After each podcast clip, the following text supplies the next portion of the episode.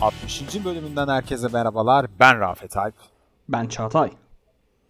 Ve bugün e, iki haftalık periyodun sonunda artık tekrar kavuştuk. E, iki haftalık periyotlara da ufak ufak alışmaya başlayacağız sanırım. Böyle her Evet. hafta her hafta dinleyicilerimizle buluşmak ki e, biz olmasak da sesimiz buluşuyor. Şey gibi söyledin yani sanki her hafta buluşmak kötü. Her hafta her hafta kayıt yapıyoruz. Bunlara bir şeyler sunuyoruz gibi girdin ama öyle yok. değil. ya her hafta her daha hafta kaliteli. ona alışmıştık. Şimdi ona Ha, alışmıştık. evet. Evet. Ama şu an böyle iki haftada bir yapacak olmak ulan unuttuk mu biz geçen hafta Değil mi? falan Evet. bir his oluyor yani. E, o yüzden e, güzel güzel farklı. Evet. Neyse efendim e, ben de uzun uğraşlar sonucunda bir bölümü egale ederek Isaac Asimov konuşmaya ikna ettim Çağatay'ı. Geçen Bugünkü sene konumuz- zaten bilim kurgu konusunda freestyle böyle serbest kürsü atmamıştın sanki. 60 o zaman o bölümleri uzun yapıyorduk. 60 dakikanın 58 tanesi falan 59 dakikası falan sen konuştun 58 saniye lan. 59 dakika sen konuştun. 1 dakika ben sosyal medyaları söyledim sadece o kadar. Evet bence adil ve güzel bir dağılımdı. E, İdeal. Kesinlikle okeyim. Ya İdeal. bi- şey bilim bilim kurgu bilgi e, mizi oranladığımız zaman doğru bir şekilde. Ya o konu hakkında da konuşma. Sen kimsin kardeşim Hiç, yani Allah hiç, Allah. Hiç. Kimiz ki Neyse. biz diyoruz madem burada. Neyse. Evet. Efendim e, madem dedik ki Foundation'ın yeni dizisi çıkmış ki en sonda onun hakkındaki yorumlarımı da söyleyeceğim. Ama onu en sona bırakacağım. Çünkü bugün Hı hı. birazcık Isaac Asimov özelinde gideceğiz. Bayağıdır övmüyoruz. E, e, bayağıdır övmüyoruz. Benim öven yerlerim böyle bir depreşti. Diziyi falan da izledim ben. E, sen henüz izlemedin sanırım. Daha yeni Yok. çıktı zaten. E, geçtiğimiz gün e, ilk yayınlandı Apple Plus'ta. Apple Plus TV miydi? Apple TV miydi? Plus. TV Apple Plus. TV Türkçe- Plus aynen. Turkcell'de olduğu için alamıyoruz. Yahu bende Apple TV Plus e, yoktu Rafet'cim. Sen nereden buldun izledin ya? Ee, bulduk işte. Bulduk. Şey mi? Gerekli İş- siteler, malum siteler. İş insanı Ali Bey mi diyorsun? Tabii tabii malum siteler. E ne yapacağız? Yani şimdi Kendimizi banlatacağız yalnız getirmedikleri zaman bu hizmeti bize getirmedikleri zaman biz de belirli yollara Getirenlere- başvurmak durumunda kalıyoruz. Keşke getirseler. Getirdikleri anda Kesinlikle. e, basacağız yani. Hiç orada tereddütüm yok benim. E, al, alır mıyım almaz mıyım demiyorum yani. Direkt gelse Kesinlikle. O direkt Yani bizim Ted, e, Ted Lasso'yu bir de orada izlemek lazım. Tabii tabii bir de orada o görüntü kalitesiyle vesaire neyse neyse, Neyse. buraya çok takılmayalım Isaac Asimov dedik. Ya şimdi Isaac Asimov e, böyle hayatını anlatmaya başlasak hani birçok şey konuşuruz ama neden Isaac Asimov benim için özellikle önemli? Çünkü öyle bir insan ki 500'den fark fazla kitap yazmış. 90 binden fazla kartpostal ki bu kartpostallar da işte arkasına arkadaşlarına ona buna yazdığı işte özlü sözlerle belirli e, ne denir paragraflarla vesaire çok ünlü ve acayip dergi yazıları acayip üreten sürekli yazan bir insan Hı hı. ve yani yazdığı konular sadece bir konu iki konu hakkında değil Hı hı. yanlış bilmiyorsam 11 e, bu konu kütüphanelerde kategorilendirilmiş 11 konunun 9'u hakkında işte sosyoloji de var bunun içerisinde, psikoloji de var bunun içerisinde, matematik de var, bilim de var. İşte ya aklınıza ne gelirse birçok konuda, din konusunda da, siyaset konusunda da yazılar kaleme almış bir insan. E, ve benim için en özeli de tabii ki Vakıf serisi. Vakıf serisi gibi bir seriyi kaleme almış bir insan e, bilim kurgunun en önemli mihenk taşlarından bir tanesi. E, böyle bir insandan bahsediyoruz. Tamam. Ben e, öncelikle aslında bu bölümü Evet. konuşmayı planladığımız günden beri e, hazırladığım bir esprim var. Öncelikle hadi, onunla hadi yapmak, ist- onunla başlamak istiyorum. E, arkadaşım, yıl oldu 2021. Artık vakıflara, derneklere, cemaatlere hizmet işi bitti. Bu cümleyle Ee, giriş yapmak dinlediğiniz istedi. için teşekkürler. Adam şu an şey gözlüğünü falan çıkardı. Beni görmemek için şu an elinden geleni yapıyor sanırım. ben sana dalacağım. Kafa atasım geldi böyle o yüzden gözlüğü çıkarttım. Ee, şimdi Biz şöyle diyoruz ki bilim diyoruz, Ya. yazarlık diyoruz, yazmak diyoruz, ben de- neler diyoruz? ben de gelecek diyorum, umut diyorum, gençlik diyorum. Ya.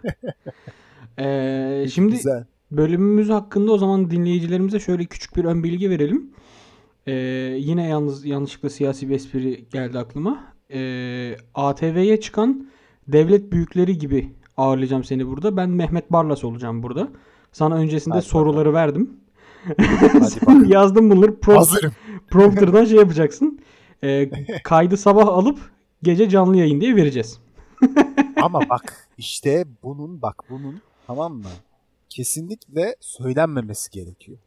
Yani fark edebilirler. Problem değil. Birileri fark edebilir ama söylenmemesi gerekiyor. Ben- Sen şu anda ağzınla söylüyorsun. Ben ben dinleyicilerimi onların ne kadar zeki olduğunu, onların ne kadar akıllı, onların ne kadar eleştirel düşündüklerini bildiğim için e, bunu önceden ifade etmem lazım.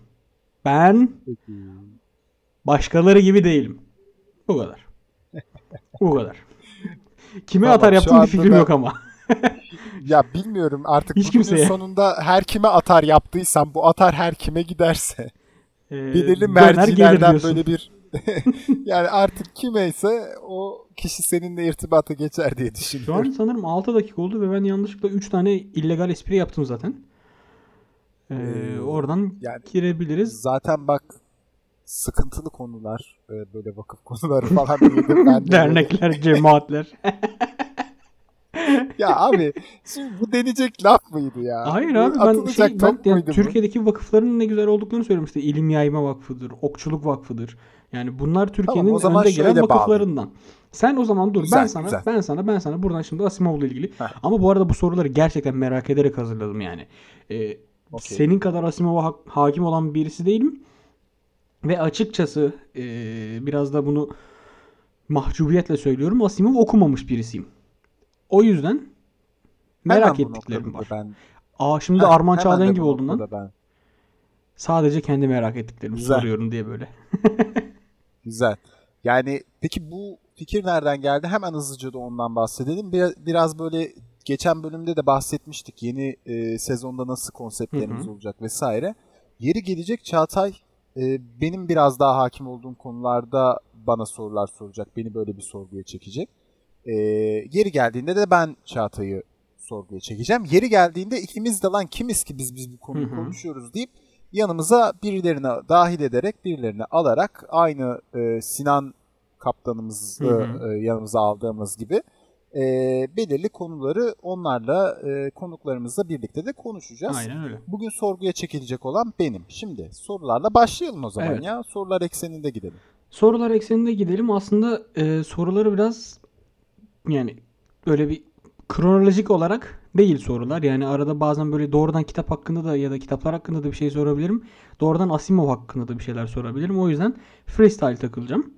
E, şimdi ilk başta aslında Asimov e, yani çok büyük bir isim olarak zaten tarihe kendisini kaydetmiş birisi. Ee, az önce söyledin yani 11 kütüphane bölümünün 9'unda eser ortaya çıkardı, bunlarla ilgili yazdı dedin. Peki e, böyle diye- mesela işte Foundation mesela onun en büyük eserlerinden, ölümsüz eserlerinden birisi. iRobot onun Evet. ölümsüz eserlerinden birisi. E, bu şekilde böyle bildiğimiz yani illa popüler olmak zorunda değil belki senin için çok özel yeri olan e, eserlerinden bahsedebilir misin lütfen? Yani şimdi e, Isaac Asimov'un hani birçok konu hakkında aslında makaleleri ve kitaplarda zaten bazıları ders kitapları vesaire hani buradaki kitap dediğimizde sadece öykü kitapları vesaire aklınıza gelmesin. Isaac Asimov bir biyokimyager zaten. Hı hı. Yani akademik olarak da zaten birçok e, şey üretmiş bir profesör. E, Boston Üniversitesi'ndeydi yanlış hatırlamıyorsam e, profesörlüğünü icra ediyordu. E, yani kendisi hani zaten bir akademisyen olduğu için sürekli üreten, sürekli yazan, yazdıklarını paylaşan bir insan. Öyküsel olarak da zaten onu da konuşacağız ama e, geçmişte farklı mahlaslarla vesaire de yazılar yazıp ufak ufak öyküler atmıştır birisi.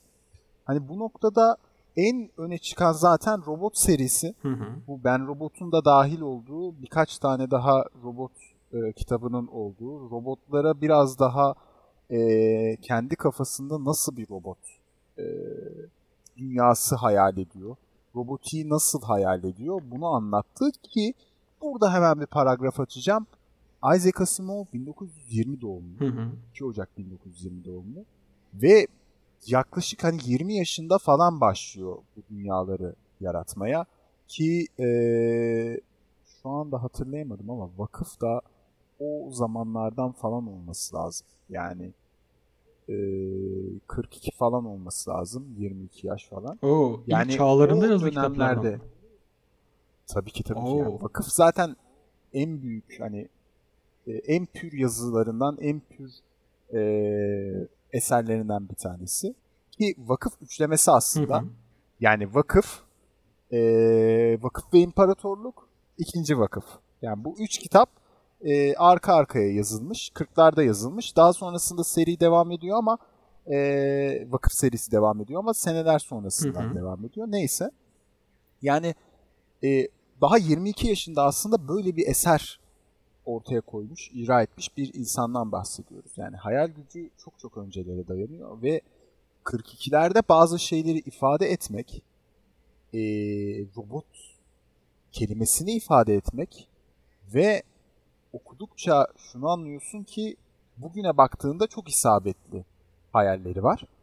E, ve hani bu çizgide bu şekilde gördüğün zaman e, mest oluyorsun diyebilirim. Hı. Yani bunu da kesinlikle göz ardı etmemek lazım. Dediğim gibi vakı, e, robot serisi çok önemli seri, vakıf serisi çok önemli bir seri. E, İmparatorluk serisi yine aslında vakıf serisiyle bağlantılı. E, bu şekilde birçok serisi var. Kısa hikayeleri var. E, zamanın sonu muydu? Neydi? Zamanla ilgili bir kitap. Sonsuzluğun sonu. Pardon. Sonsuzluğun sonu diye bir kitabı var ki o da bir hikaye kitabı. O da çok güzel bir kitap. Ee, gibi gibi e, birçok kitap kaleme almıştır. Ama temelinde kendi kafasındaki dünyayı açtığı, genişlettiği bir e, külliyata sahip. Çok güzel. O zaman e, madem işte ben robot, ay robot dedik. Yani ben mesela onun filmini izledim ve e, bildiğim kadarıyla da filmindeki o işte robotların 3 ne diyoruz ona? Robot kuralı. 3 robot 3 robot yasası mıydı? kanunu. Kanunu öyle bir şey. Yasası aynı. E, mesela işte onun Asimov'dan alındığını biliyorum. E, yani işte Asimov'a bir saygı göndermesi. Çünkü filmin kitapla alakası yok. Değil mi? Şey, öyle biliyorum. Böyle söyleyeyim. Evet. Filmin kitapla alakası yok. Hı hı. Hani soruyu sen devam ettir istersen daha O işte yani devam bu çok klasiktir. As- Asimov konuşursak aslında o üç kanunu da bir anmamız e, ve konuşmamız gerekir. Ya bu benim de aklımdaki bir şeydi. Ee, aslında buradaki kanun yani 3 kanun ki hızlıca ondan Hı hı. bahsedeyim. Birincisi robotlar insanlara zarar veremez. Eylemsiz kalarak zarar gel zarar görmelerine de göz yumamaz. Hı hı. İkincisi robotlar birinci kanunla çakışmadığı sürece insanlar tarafından verilen e, emirlere itaat etmek zorundadır. Yani mesela beni öldür Yani- diye bir emir veremiyorsun. İtaat etmek veremiyorsun. Üçüncüsü de birinci ya da ikinci kanunla çakışmadığı sürece kendi varlıklarını korumak zorundalardır. Yani kendilerini de koruyacaklar. Şimdi bu çok temel ve çok pür matematik Evet. içeren bir Yani mantık hepsi aslında. birbirine inanılmaz şekilde bağlı ve bozulmaz bir bağ var arada. Aynen öyle ve muazzam bir şekilde kaleme alınmış bence. Ki kendi de bunun zaten çok iyi farkında. Çünkü bunun üzerine bir e, gerçekten evren bir külliyatta Hı hı. kuruyor. Aynen öyle. Bir robot mantığı kurabiliyor. Ki yapay zeka dediğimiz şey 40'lardan 50'lerden bahsediyoruz Hı hı. arkadaşlar. Yani Yani bugün daha yeni yeni biz bazı şeyleri hayal edebiliyoruz. makine öğrenmesi kelimesini Ee, hala bilmeyen insanlar var şu an. Ya tabii ki yani bilip bilmemek aslında insanların Hayır, bilmesi, insanların duymamış. bilmemesinden ziyade hayal Heh. etmek. Burada ben bir şeyden bahsetmiştim ya. e, o senin de dediğin bölüm içerisinde bir e, punklardan Hı hı. bahsetmiştim. Cyberpunklardan vesaire. Ve bu punkların aslında bizim hayallerimizin geleceğe nasıl yansıdığını da dile getirmiştim. Ben şunu açık yüreklilikle söyleyebilirim ki Asimov tutarlı bir Hı hı. insandı. Çünkü böyle kanunlar oluşturabildi Ve bugün o tutarlılıkla biz bir şeyleri hayal ediyoruz. Ee, yarın öbür gün robotlar yapmaya başladığımızda bu bilim kurgu olarak gözüken bu kanunları belki de gerçekten kullanacağız. Evet. Ve gerçekten de kullanılabilir şeyler. O yüzden bu robotların gerçekten, bu robot kanunlarının, bu üç e, robot yasasının e, bence bilimde de çok önemli bir yeri var. Yeri olacak. Hı hı. Ben buna da inanıyorum. Ama filmdeki yerine gelecek olursak, madem filmden bahsettik, Will Smith'in Hı hı. oynadığı film. E, filmin doğrudan aslında Ben Robot kitabıyla alakası Hı hı. yok. Ama za- zaten Ben Robot kitabı birçok öyküden ve hikayeden oluşan bir Hı kitap. hı. E, sadece buradaki e, hikayeleri baz alarak yeniden senaryolaştırılmış bir hikaye var ortada. Ve bu hikayenin en temel noktasında 3 robot yasası. Çok da güzel bir şekilde anlatıyor aslında 3 Hı hı. robot yasasını. Çok da güzel bir şekilde kaleme alınmış senaryo olarak da. E, bunları söyleyebilirim. Evet yani mesela bunu şey oynarken de e, Detroit Become Human oynarken de mesela yine o da 3 robot yasasının üzerine kurulmuş yani işte kimseye zarar veremez, kendisine zarar veremez, birisinin zarar görmesini engellemek zorunda şeklinde. E, ve işte Aynen. onlara o bilinç yüklendikçe, aykırılık oranı arttıkça işte bu yasaları delmeye başlıyorlardı gibi. Mesela o da çok güzel bir bağlamaydı oraya yine. İlginç bir fun fact de vereyim hazır buradayken. Oo, fun fact e, verme dersen değil mi? yasasıyla tabii ki tabii Hadi ki bakalım. bölümde hakimiyet bizde. Hadi bakalım. Ee, Isaac Asimov özellikle e, bir yazısında şu an yazısı hangi yazısı olduğunu hatırlamıyorum ama bu üç robot yasasını açıkladığı biraz bununla alakalı e, galiba Ben Robot'un ön sözünde falan e, bu üç robot yasasının doğrudan kullanılmaması gerektiğini Hı. hiç kimsenin hiçbir kitabında, hiçbir bilim kurgu kitabında, yok kitaplarda yani kullanmasını istemediğini dile getiriyor. Aslında buna benzer kanunlar oluşturarak e, belirli bilim kurgu kitapları vesaire yazan yazarlar var şu anda da. Hı. E, yazmış insanlar da var. Ancak hiçbiri Isaac Asimov'a saygıdan ötürü bu üç e, robot yasasını doğrudan alıp kitabına işlemedi. E, genellikle de yani böyle bir eser çok fazla yok. Aslında üzerine çok fazla düşünülüp üzerine çok fazla yazılabilecek bence bir Hı hı. e, yapı. Bunu bilmiyordum. Ama hani Isaac Asimov da kendisi istemediğini dile getiriyor, yazıyor. Şey diye mi? Çörekmenle, çöreklenmeyin lan diye mi? E, Biraz öyle aynen. Biraz da ben e, Isaac Asimov'da şeyi de görüyorum. Yani kendi dünyası, kendi kafasında yarattığı şeyi birilerinin zarar vermesini istemiyor. Daha kendi ifadeleriyle kalsın istiyor. Hı, kapalı kalsın. Kapalı kapalıdan Yani- ziyade kendi zaten gerçekten çok fazla açtığı için Hı hı. yani aslında bu kapalı kalmış bir konu da değil. Kitaplarıyla vesaire gerçekten hani dediğim gibi yani birçok kitap yazmış. Ve her kitabında aslında gün geçtikçe açtıkça Hı açıyor. hı. Yani buna şuradan örnek vereyim. Ee, belki başka bir konuya atlıyor gibi olacağız ama Vakıf serisinde mesela ee, bu bir spoiler değil ama dünyadan bahsedilmez. Hı hı. Yani Vakıf serisinin içerisinde dünya, Earth. O dünyadan bahsedilmez. Ama Isaac Asimov o ilk üçlemeyi yazdıktan sonra seriyi genişletirken o soruyu da kenara not etmiş ve bir kitapta da bundan bahsediyor. Dünyanın o seri içerisinde nerede olduğundan Hmm. bahsediyor. Kendine Yani, gönderme yapıyor yani e, bir yerde.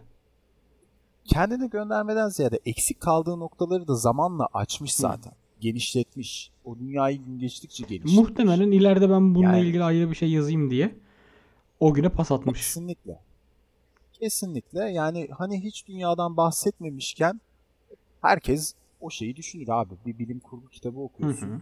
Hiç dünyadan bahsedilmiyor. Acaba dünyaya ne oldu? Merak edersin. Daha sonrasında yazarın da bunu düşünüp bir kitap yazması ve bunu açması gerçekten çok güzel. Süpermiş. Ee, en başta az önce sen az önce şey yaptın. Ee, bir bununla ilgili şey yaptın da bir türlü cümleyi kuramadım ha. Evet. Ee, sanırım ilk kitapları takma isimle yazıyor bu kitabı. Evet. Ee, bunun yani okuduğum kadarıyla bir sebebi var ama doğruluğunu senden bir teyit etmek istiyorum. Yani ben de açıkçası çok fazla hani teyit edebileceğim e, bir kaynağım vesaire yok. Hı. Veya okuduğum şeylerde bunun üzerine onun yazılarından da bir şey görmedim, okumadım çok fazla ama e, bu geçmişteki yazarlarda özellikle gözü görülmüş bir şey. Yani e, hani bazı yazarlar bu şekilde şeyler e, atabiliyorlar çünkü kendilerini rezil etmek Hı. istemeyebiliyorlar. Evet. Kendilerini e, biraz daha akademik dünyaya doğru ilerledikleri için o topun içerisine atmak istemiyorlar. Yani biz belki bazı duvarları yıktık. Bu dijitalle kendimizi çok fazla açarak bazı şeylerle Hı hı. hani e, gün geçtikçe aslında kendi özel hayatlarımızı, kendi isimlerimizi biraz daha rahat bir şekilde açabiliyoruz. Yayabiliyoruz, bahsedebiliyoruz. Ama e, 50'li yıllardan bahsediyoruz ve o yıllarda e, ne denir ona? Öyle her şeyi kendi isminle yazmak belki Yemez. de mantıklı gelmiyordu. Yeme, yemezdi. Evet benim okuduğumda buna benzer bir şeydi yani. Ee, bunun performansının Çizgiden. nasıl olacağından çok emin olamadığı için biraz da rezil olmamak için dediğin gibi açıkçası. Ee, bu şekilde bir yaptığı şey var. Bir de mesela e, yazdığı bir dergide veya gazetede sanırım böyle bir bilim kurgu dünyası ile ilgili bir şeyler yazdığı bir dönem var. Ve orada Evet. e, Star Trek'e verip veriştiriyor. Star Trek Evet. Çıktığı zaman ona böyle bir şey yapıyor. Ee, bir laf çakıyor, beğenmiyor, eleştiriyor, bir şeyler yapıyor. Fakat sonrasında Star Trek'te danışmanlık görevi ne yapıyor hatta? Bilim danışmanlığı Star göresinde. Bir filminde aynen öyle. Yani Onun hikayesi ne? nokta da şu aslında. Mesela Ya neden beğenmiyor? şu. Ee, çünkü bilime karşı olduğunu, yani bilime karşı değil de bilimi doğru yansıtmadığını Ama benim yani bildiğim kadarıyla Star Trek de çok inanılmaz vizyoner bir proje. Hatta işte Star Trek'in ilk çıktığı zamanlar eee, filmde kullanılan işte cep telefonları ya da işte FaceTime gibi o işte yani görüntülü görüşme teknolojileri bunun var olmasını bırak hayal edilmesinin çok zor olduğu dönemlerde Star Trek bunları kullanıyor. Eee, o çok yani Asimov da vizyoner bir adam. İşte Star, Star Trek de çok vizyoner bir proje. Ee, neden uyuşmadı acaba? Onu çok merak ettim. Ya burada birçok neden olabilir. Burada biraz da Star Trek'in e, yapıldığı, ilk yapıldığı döneme de gitmek lazım. Yani Star Trek ilk yapıldığı zaman bugünkü kadar e, insanı kendine çekmiş bir yapım değil Hı aslında. hı. Zamanla biraz daha popülaritesini arttıran, zamanla değer kazanan da bir yapım. Star Trek'in en baştaki vizyonu aslında öngörüden ziyade insanları biraz uzay konseptine Hı hı. Yani böyle bir misyonu e, dolu bir misyon. Enterprise'in misyonu gibi. Dizi zaten. Tabii ki. Yani her şeyden önce insanları çekebilmesi Hı hı. lazım. Yani bu noktada da zaten eee, insanları bir noktaya çekiyorsan aslında bazen bilimden uzaklaşmak gerekiyor. Yani evet. Yani Biraz e, bilim üstü hani bilim tabii yani ger hani fazla gerçek insanı çekmiyor. Yani biraz daha hayal, biraz daha kurgu, biraz daha farklı bir şeyler yani gerekiyor. Klingonlunun benim gibi bir şey olması çok Ee, saçma olurdu. Ki aynen öyle. bir güldün bana benzetiyorsun galiba Klingonluları. Yok niye aynen öyle? Hayırdır neden benziyor oğlum? Hayır hayal ettim bir anda. kar- karşında Hayal Klingonca güldüm. Ka- Acaba dedim. diye böyle bir anda Klingonca'ya geçiyorum. Ee, yani belki kendi kafasında Isaac Asimov'un uzay konsepti öyle değildi, o değildi. Onun için de laf atmış olabilir ama e, ya genel anlamda da hani baktığın zaman ya bunlar doğal şeyler. Ee, bugün acaba bugünkü Foundation uy- uyarlamasına Isaac Asimov ne derdi mesela? Hani e, o da enteresan bir soru şu anda kafamda şey yaptı. Hani bunu da mesela düşüneceğim bu programdan sonra. Acaba Isaac Asimov ne derdi e, bugünkü Foundation Bak mesela onunla ilgili Douglas ama- Adams'ın e, şeyin Otostopçunun Galaksi Rehberi'nin yazarının bir yaşadığı olay var. Otostopçu Galaksi Rehberi yaz- yaşarken henüz bunu filmin şey, kitabın filmini çekiyorlar ve e, Douglas Adams bir e, e, baskının ön sözünde diyor ki lütfen o filmi izlemeyin. yani acaba şu an Asimov şimdi görse nasıl düşünür? Douglas Adams gibi gerçekten böyle filmi hiç beğenmeyen tayfadan mı olur? Yoksa aa çocuklar güzel düşünmüş yapar yapmışlar mı diye düşünür acaba? Yani kendi eserini tabii ki farklı bir mecrada görmek Hı hı. enteresan bir şey. Ee, merak ederdim. Ben de merak ediyorum acaba ne derler. Neyse. Başka bir soruya geçelim, Geçelim. istersen. Ee, şöyle aslında belki bu cevabı olmayan bir soru olabilir ya da yani bununla ilgili böyle açık açık konuşmamış ama belki de kitaplarında bunun yansımalarını görmüş olabiliriz diye merak ettiğim bir konu. Ee, bildiğim kadarıyla yine yaptığım okumalar sayesinde ee, Asimov 2. Dünya Savaşı'nda yer almış bir bilim insanı. Ve ee, hatta sanırım o işte e, atom bombasının yapıldığı ekibin eski üyelerinden mi ne? Diye sanki ya da o ekipten birileriyle bir bağı var.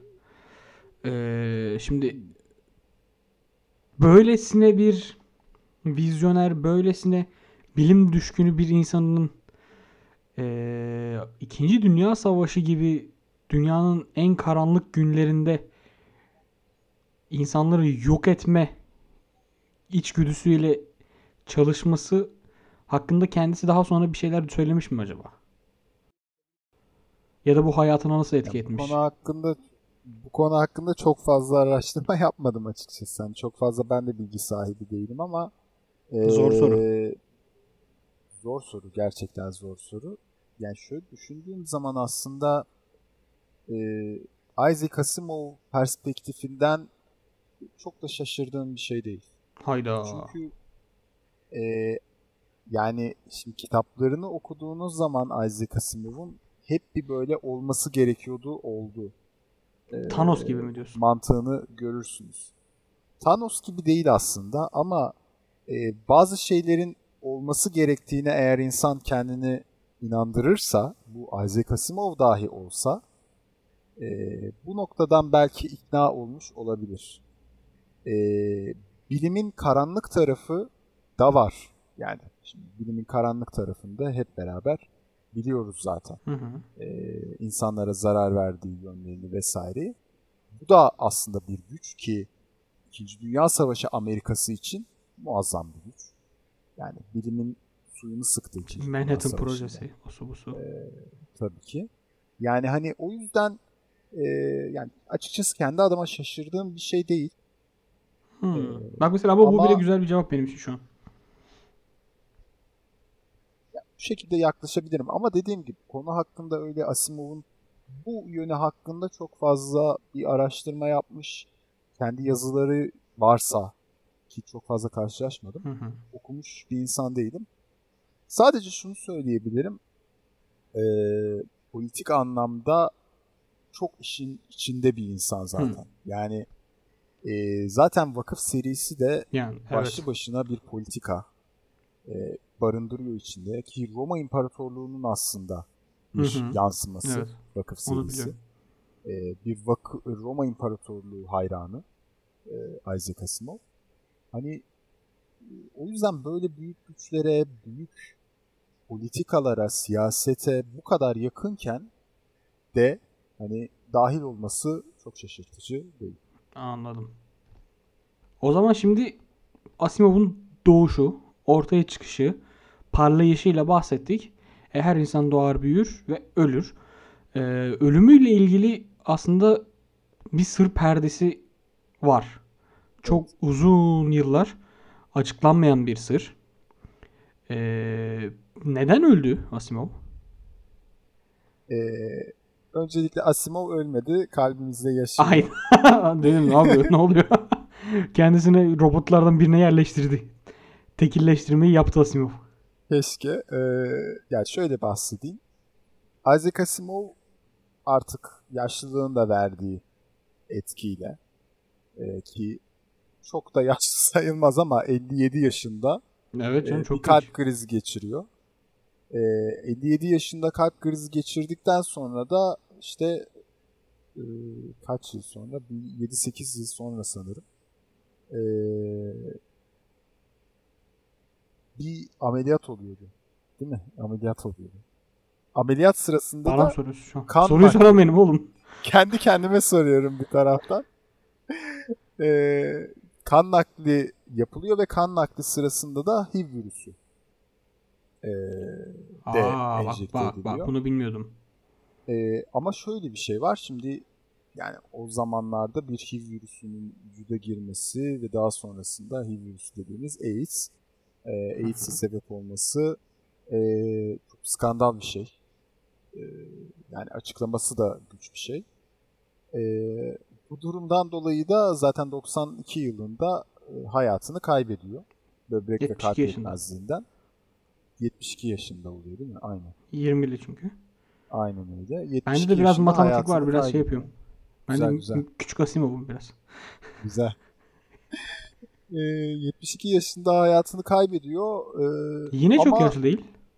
Yine çok yaşlı değil ve uzun sürede aslında 2002'ye kadar hatta yani 2002'ye kadar neden öldüğü Evet.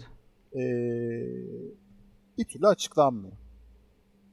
Yani şöyle düşündüğüm zaman lan 72 92'yi görmüş olsaydı en azından biz de canlı canlı görüyor olurduk. Şu an, şu an böyle bir e, sayılarla düşününce öyle bir şey aklıma geldi. Yani çok yakın tarih ama şöyle bir şey merak ediyorum yani. Ee, 70'lerde, 80'lerde, 90'larda AIDS'ten ölen insan sayısı çok yüksekti. Neden 2002'ye kadar beklendi bunun açıklanması? Yani işte buradaki büyük ihtimalle oradaki çekince AIDS'in e, nereden bulaştığıyla Hı. alakalı olan şaibe. Yani Hastanenin şeyi falan. bir kan nakli HIV virüsüne sahip bir kan naklinin gerçekleşmiş olması başlı başına bir skandal.